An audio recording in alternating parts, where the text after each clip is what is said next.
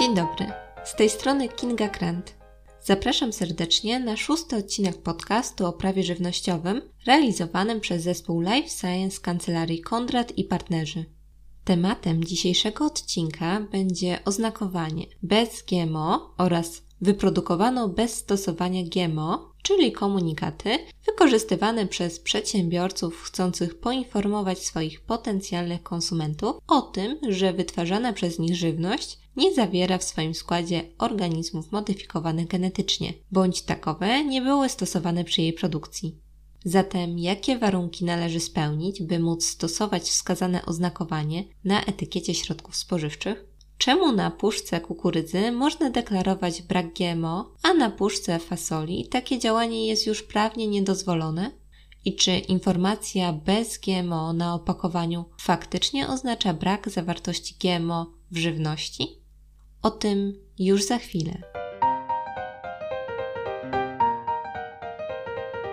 Od 1 stycznia 2020 roku obowiązują nowe przepisy w zakresie informowania konsumentów o tym, że nabywane przez nich środki spożywcze są wolne od GMO. Przedtem warunki stosowania takich oświadczeń nie były wprost uregulowane przepisami prawnymi. Nowe zasady znakowania żywności bez GMO reguluje ustawa z 13 czerwca 2019 roku o znakowaniu produktów wytworzonych bez wykorzystania organizmów genetycznie modyfikowanych jako wolnych od tych organizmów oraz rozporządzenie ministra rolnictwa i rozwoju wsi z dnia 4 listopada 2019 roku w sprawie znaków graficznych, które stosuje się w celu oznakowania żywności i pasz jako wolnych od organizmów genetycznie zmodyfikowanych. Oznakowanie żywności jako wolnej od GMO polega na umieszczeniu na opakowaniu lub etykiecie znaku graficznego, a w dokumentacji towarzyszącej tej żywności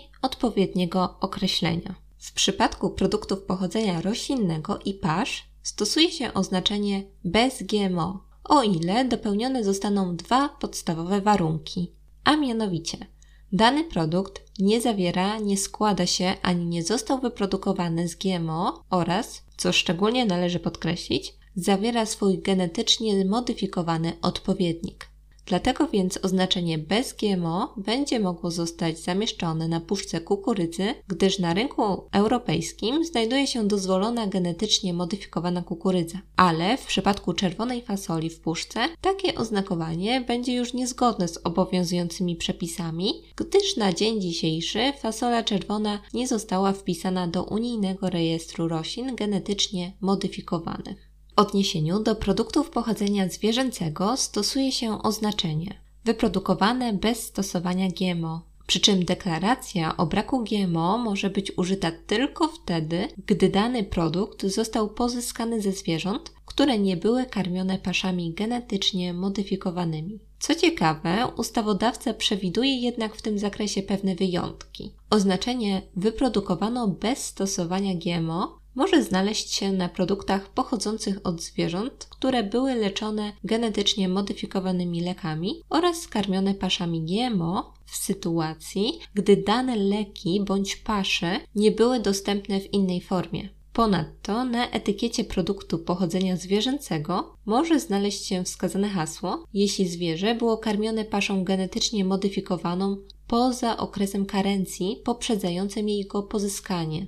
Jako produkty bez GMO mogą być również sprzedawane gotowe środki spożywcze zanieczyszczone GMO, o ile zawartość modyfikacji genetycznej wynosi nie więcej niż 1,1%, a jej obecność jest przypadkowa lub nieunikniona technicznie. Na tym etapie nasuwa się pytanie, a co z żywnością wieloskładnikową, zawierającą zarówno produkty pochodzenia roślinnego, jak i zwierzęcego? Ustawodawca przewiduje w tym zakresie dwa rozwiązania. Pierwsze polega na zastosowaniu deklaracji o braku GMO w odniesieniu do całego wyrobu gotowego, pod warunkiem, że wszystkie składniki, zarówno roślinne, jak i zwierzęce, spełniają wyżej wymienione warunki dla poszczególnych grup produktów i składniki te stanowią więcej niż 50% łącznej masy wszystkich składników w chwili ich użycia do wyprodukowania, nie licząc masy wody użytej jako składnik do jej produkcji. Drugie rozwiązanie polega na użyciu określonej deklaracji w odniesieniu do wybranych składników wyrobu gotowego.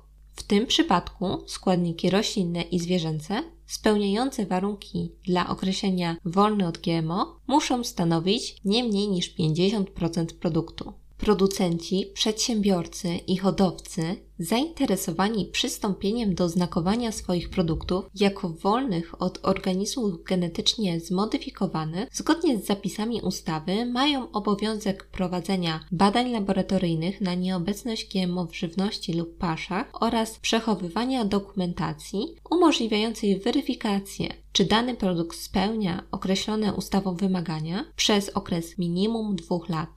Jeśli chcielibyście Państwo uzyskać więcej informacji na temat znakowania żywności wolnej od GMO, to zapraszamy do kontaktu z kancelarią Kondrat i Partnerzy za pośrednictwem adresu mailowego prawożywnościowe małpa.kondrat.pl. Z chęcią odpowiemy w jasny i rzetelny sposób na Państwa pytania. Do usłyszenia.